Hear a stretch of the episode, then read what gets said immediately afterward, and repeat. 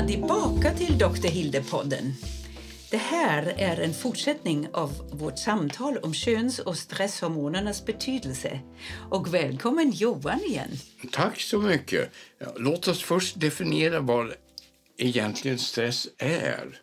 Stress är en biologisk eller psykologisk reaktion på en påfrestning eller en belastning. Även djur plantor kan bli stressade. Till exempel en gran som angrips av granbarksborrar, den blir stressad. Granen blir stressad. Och en planta som saknar vatten är klart stressad. En hund som försöker förgäves att ta sig loss från sitt koppel när den ser en hare den vill jaga, det är stress. Ja. Ja, all levande väsen har förmåga att reagera på stress. Precis. Och människan kan stressa ganska bra. Men hennes storhjärna är den styrande dirigenten och har till sin hjälp olika hjärnstrukturer som är underordnade. När vi tänker, planerar och fattar beslut behöver vi en väl fungerande storhjärna. Stress kan utlösas genom fysiska orsaker som till exempel smärta, trauma, infektion, inflammation eller genom även psykosociala orsaker, jag skulle kalla så. Jag menar osäkerhet, hot, frustration, nya påfrestningar och annat. Men det skulle ta alldeles för lång tid om storhjärnan alltid fick bestämma och väga om man skulle reagera eller inte. Ibland måste det ske väldigt snabbt. Som när vi kommer emot en het platta på spisen. Då drar vi väl bort handen innan vi ens har börjat tänka att det är varmt. Det är det autonoma nervsystemet som reagerar genom ultrasnabba basala reflexer utan att koppla in storhjärnan. Men hur går det då när det ska gå så fort under akut stress? Det är ju ändå en stresssituation. Ja, stress utvecklades genom evolutionen för att snabbt reagera på livshotande situationer med lämpligt mönster för att kunna överleva. Vid ett akut hot som uppfattas av individen mobiliseras sekundsnabbt stresshormonerna noradrenalin och adrenalin du, det gör att du kan tänka snabbare och klarare och musklerna blir starkare och snabbare för att kunna slåss eller fly. Sedan mobiliseras även kortisol som behövs för socker till hjärnan och ytterligare blodtryckshöjning. Om det akuta hotet försvinner normaliseras hormonerna. Om du är mycket sårbar kan stressreaktionerna kvarstå. Ja, men kan du då ge oss några exempel på någon akut stressreaktion som du har varit med om och hur gick det då? Ja, alltså nu pratar vi om de här basala reflexerna. Jo, det hände en gång i Afrika när jag eh, bodde där och eh, som liten sprang i, på en stig i, på savannen och plötsligt gjorde ett dubbelhopp och jag undrar vad är detta för någonting? Och då stannade jag efter och tittade och där mitt på stigen låg en mycket giftig orm, en så kallad puffadder. Oj, vad hemskt. Ja. Ja. ja, det måste ha varit en nedärvd reflex som när det här mönstret när bildades på syn Eh, på, på, synhinnan, på vad heter det, i ögat och, i, och tolkades i hjärnan så gick signalen direkt till några basala ganglier som utlöste det här hoppet. Ja. Men du måste väl vara född så här? Därför jag ja. tror inte jag skulle reagera så ja, snabbt. Eh, många, jag är inte ensam med den här reflexen. Den är välkänd och beskriven förut. Ja. Ja, vad glad att du hade ja. den här reflexen. Ja, ja. Du, överlevde du det här? Ja, du, du kanske ja. har reflexer mot spindlar, vad vet ja. Usch, ja. ja. Men du hann ju då inte ens bli stressad. Du nej. märkte det. Alltså, storhjärnan var ju inte med där nej, riktigt. Nej, det, det gick på nej. reflexerna. Ja. Men kan du ge oss något exempel där storhjärnan var ändå lite inblandad? med viss ångestreaktion. Ja, ja, ja, det var också i där i Afrika. Jag hade varit ute hos en kompis någon mil utanför staden och det var inte bra så jag skulle springa tillbaka till skolan och eh, genom bushen. Det borde inte vara så farligt. Det var inga vilda djur och det var ingen regnperiod utan det var nog bara att eh, kuta på.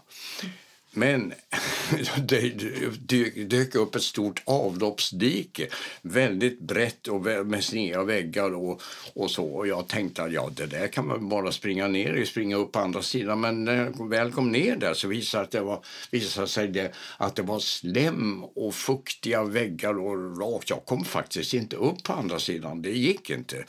Och så sprang jag där nere och tänkte jag det här, tänk om de släpper på vattnet, då drunknar ju. För det har jag hört talas om att folk hade gjort i den här. Det, oj, då måste du haft riktig ja, ångest. Ja, jag fick, ja, visst, jag blev riktigt stressad. Men jag tror att det gjorde att jag fick extra kraft och lyckades hoppa upp på andra sidan i alla fall. Du gjorde det? Ja.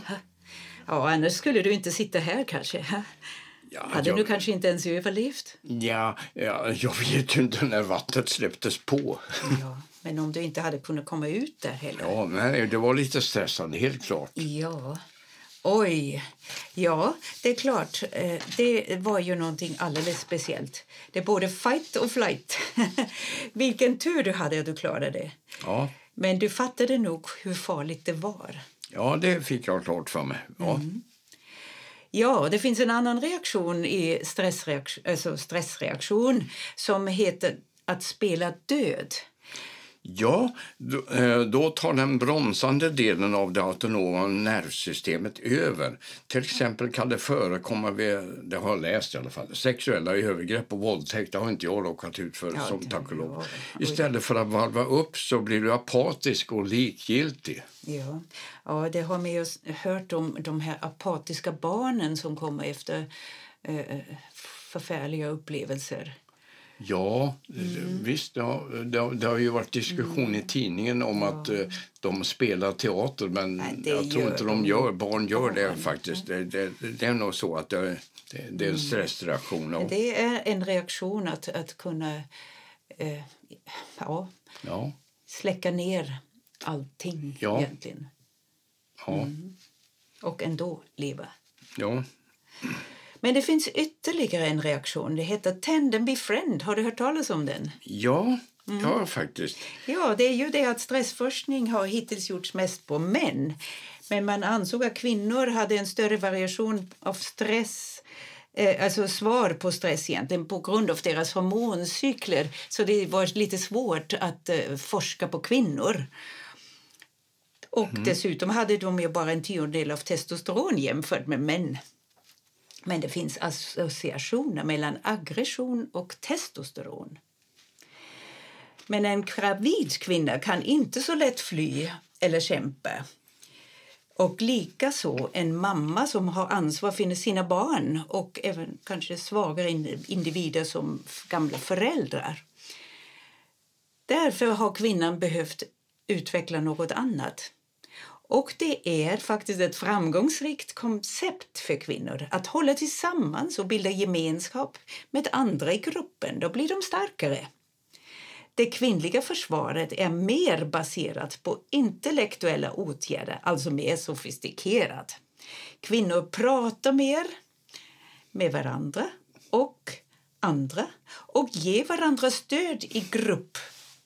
Kvinnor beräknar mer att skydda sina barn och måste även skydda sig själva genom förändring av beteendet. Ja, på, alltså på alla möjliga sätt måste kvinnor hitta på nya möjligheter. Därför kan det också vara en reaktion att bekanta sig med aggressorn, förstå och till och med acceptera honom. Det är alltså tend and befriend. Ja, ett exempel på det här det kan vara det så kallade Stockholmssyndromet. Det myntades efter ett ett, ett tillfälle 1973 när den här kände förbrytaren Clark Olofsson eh, och några, hans kumpaner de rånade banken vid Norrmalms torg här i Stockholm. Mm. Och några kvinnor som ingick i gisslan lierade sig med förövarna. De kom överens med dem. Det kan kallas tend and befriend, befriend. Och vad jag kommer ihåg så löstes hela dramat upp utan skjutning och utan något skott eller våld överhuvudtaget. Ja, det var kvinnans överlevnadsstrategi. Ja, ja det kan man då säga. Mm. Det var klokt. Ja. Ja, alltså man vet ju alltså, att det finns också ett hormon som man eh, har ökat som kvinna då i, i så fall. Och det heter oxytocin. Det spelar tydligen en stor roll i en sån reaktion. Man vet att androgen hämmar och östrogen ökar utsöndringen av oxytocin. På så sätt reduceras ångest, undviks flykt och ökas känslan av samhörigheten. Det är väl väldigt spännande faktiskt. Mm. Ja, när den akuta stressreaktionen är avklarad borde balansen vara återställd. Men efter dramatiska händelser kvarstår ändå för många posttraumatiska stressreaktioner. Tänk bara om du har blivit vittne till en skolskjutning som nyligen i Serbien. Har du själv sett dina kompisar mördas framför dina egna ögon så har du ett trauma för livet som verkligen måste bearbetas. Stackars de barn som var med där.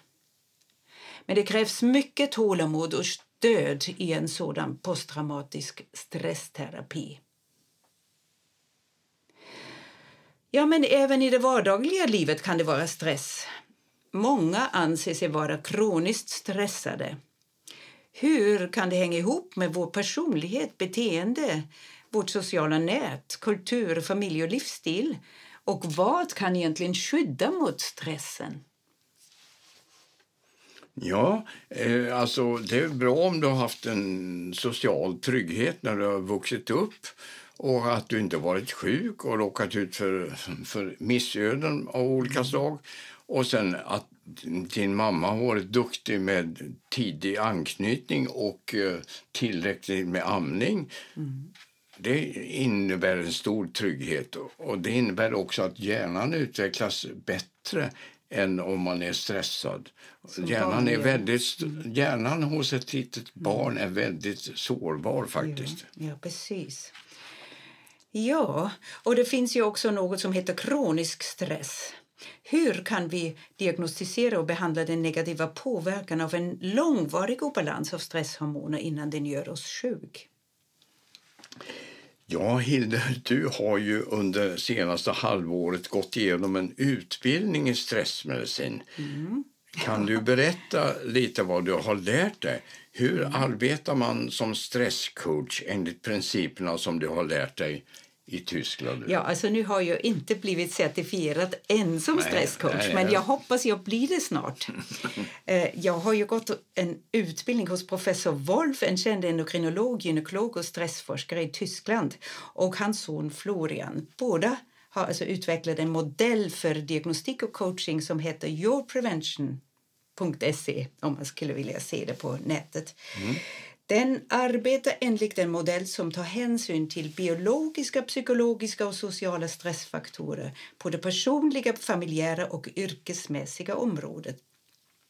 Man arbetar med ett omfattande frågeformulär biokemiska markörer av signalsubstanser såsom serotonin, noradrenalin, adrenalin, dopamin och kortisol i första hand samt tolkning av hjärtslagsvariabiliteten som ett mått på det autonoma nervsystemet, alltså sympaticus och parasympaticus.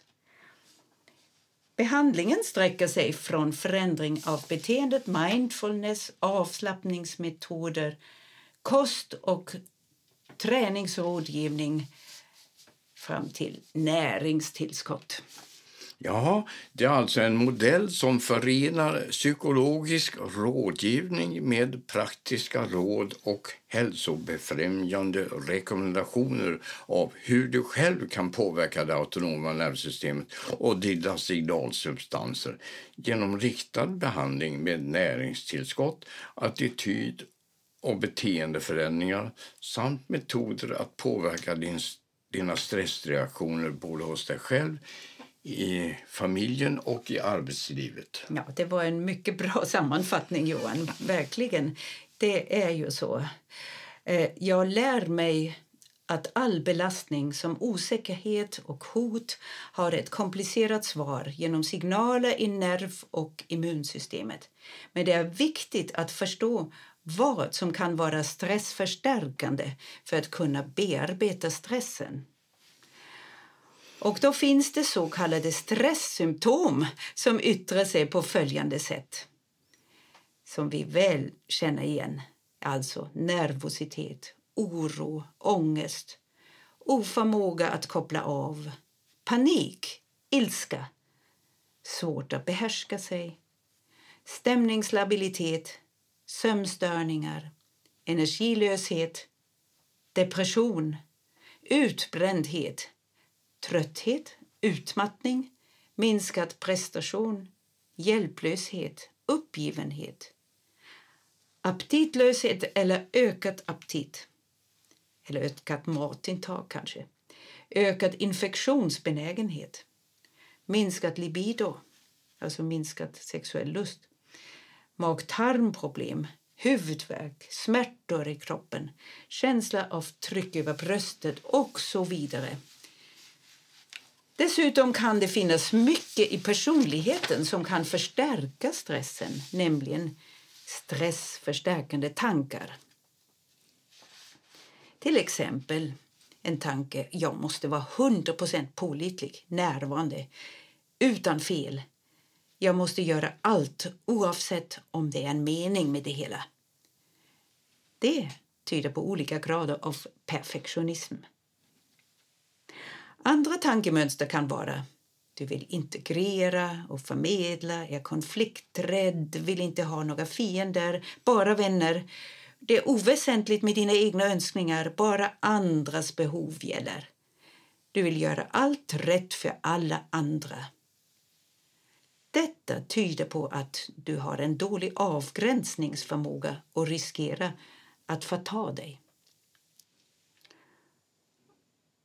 Om du ofta säger till dig själv jag kan bäst själv, utan mig går det inte. Ingen kan hjälpa mig. Jag kan nå mina mål och det blir bäst om jag gör allt utan andras hjälp. Då har du sannolikt hög ambitionsnivå och självföraktning men inte så mycket tillit till andra.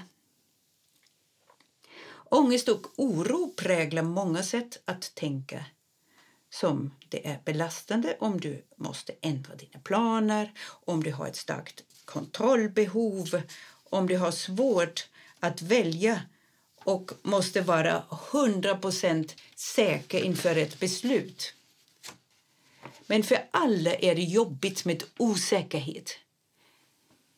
För den som har mycket ångest är det värst. Det förekommer panik och katastroftankar som till exempel tänk om jag misslyckas.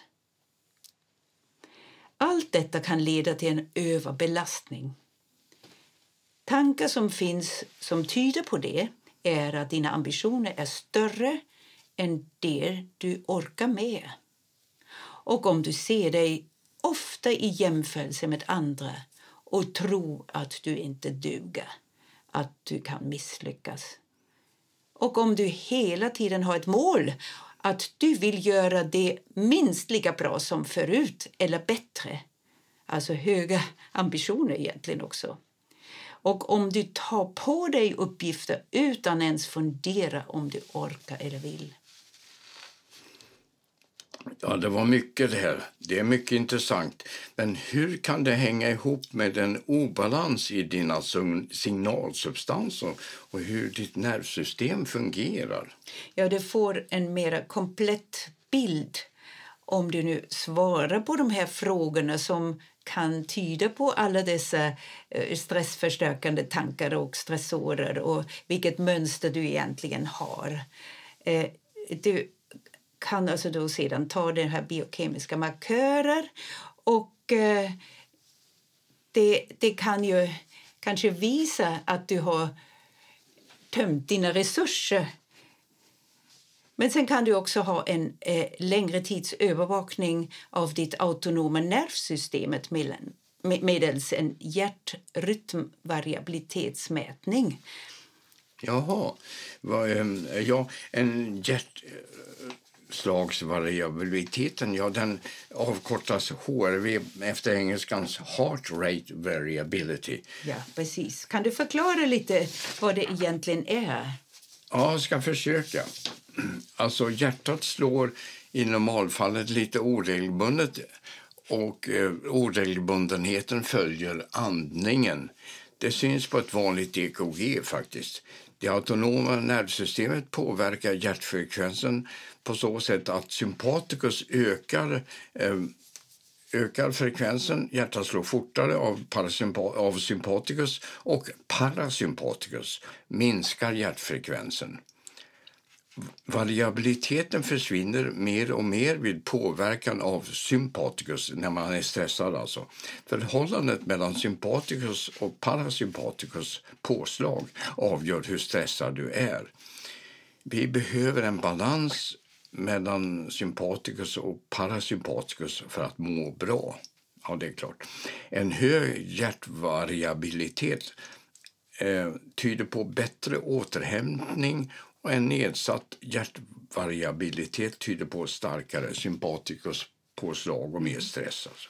Sport och all kroppslig aktivering det minskar ju HR, HRV. Alltså, hjärtat slår ju fort när man springer allt vad man kan. Då är, ändrar det sig inte så mycket med andningen. Mm. Men efter ansträngningen så borde det bli, eh, bli återhämtning och en ökning av eh, hjärtvariabiliteten med andningen om man mäter den. Och under natten så ökar ju hjärtvariabiliteten om du har en god sömn och bra återhämtning. Därför så kan en analys av hjärtvariabiliteten ge svar om din stressbalans. Ja, precis. Ja. Och det är det man mäter och kan se. Och eh, ibland tror man ju att man sover gott men eh, det är faktiskt inte alls så eh, i verkligheten. Det ser man ju då på en sån här mätning. Ja, ja. Som till exempel om man alltså har eh, druckit för mycket alkohol på kvällen, tänkte, då kan det faktiskt bli sämre. Ja. ja. Eller om man har sportat lite för sent, då är man nog fortfarande uppe i varv. Mm. Det är såna saker. Men alltså, det är väldigt mycket eh, svar det ger och en analys. Men det plus, de här signalsubstanserna. Och då ska jag förklara lite vad man mäter där. Ja. De här biokemiska markörerna som brukar mätas i stresssammanhang är de, i första hand de så kallade katecholaminer. Alltså dopamin, noradrenalin och adrenalin. De är ansvariga för energi, aktivitet, snabbt tänkande, motivation och snabb reaktion. De behövs i det här akuta stressreaktionen mm. så som vi pratade om. Mm. Mm. Sedan har vi serotonin. Det är ju också en signalsubstans och viktig för inre ro och balans, regeneration och sömn. Av serotonin bildas melatonin som det här viktiga sömnhormonet. Så har man för lite serotonin då är det väl inte så bra ställt med melatonin heller. Dessutom mäter vi kortisol. Kortisol det mäter man mest med salivprov. De andra hormoner, serotonin och katecholaminer, mäts med urinprov. Men kortisol är ansvarig för energi, koncentration och för att försörja hjärnan tillräckligt med blodsocker. Kortisol är ett hormon som insöndras något efter den akuta reaktionen som går genom katecholamina med flight och, fight som jag har sagt förut, beteendet som jag nämnde. Men efter 15 minuter sätter en massiv kortisolinsöndring eh, kroppen i beredskap att hålla ut tills stressen har gått över. Efter en anpassning går kortisolnivåerna ner till det normala igen, i vanliga fall. Kortisol hämmar inflammation, mobiliserar socker och leder till blodtrycksstegring. Ja, och hur kan du då behandla en obalans i de här biokemiska ämnena? Ja, först måste du ju veta hur det står till och det är ju ibland ganska så där påtagligt. Ja, just det. Därför reagerar jag så, därför jag har ju tömt mina resurser. Så det kan vara en eh, ögonöppnare mm. faktiskt, att se hur det står till med mm. ens egna signalsubstanser och kortisolet. Men en alldeles för stor obalans kan ju vara livshotande och behöva en medicinsk utredning. När du till exempel är den här typen always on då kan den drivande motorn genom alldeles för höga katekolaminer och kortisol piska på tills det inte går längre. Det går en viss gräns innan det kollapsar och du blir allvarligt sjuk. Det kan leda till hjärtinfarkt, cancer och störningar i immunsystemet. Innan det är för sent är det viktigt att uppmärksamma detta och behandla. Behandlingen följer en princip som tar hänsyn till beteende, mindfulness, avslappning, näring, motion och kosttillskott för att stödja enzymer som behöver kofaktorer. Som, alltså, enzymer behöver ju också stöd för att fungera, det menar jag här. För det här är ett väldigt komplicerat system i hjärnan hur alla dessa signalsubstanser arbetar med varandra. Ja, det låter ju fantastiskt. Jag tror nog att vi alla skulle kunna behöva göra en sån här analys för att förbättra våra liv. Ja, jag håller verkligen med om detta.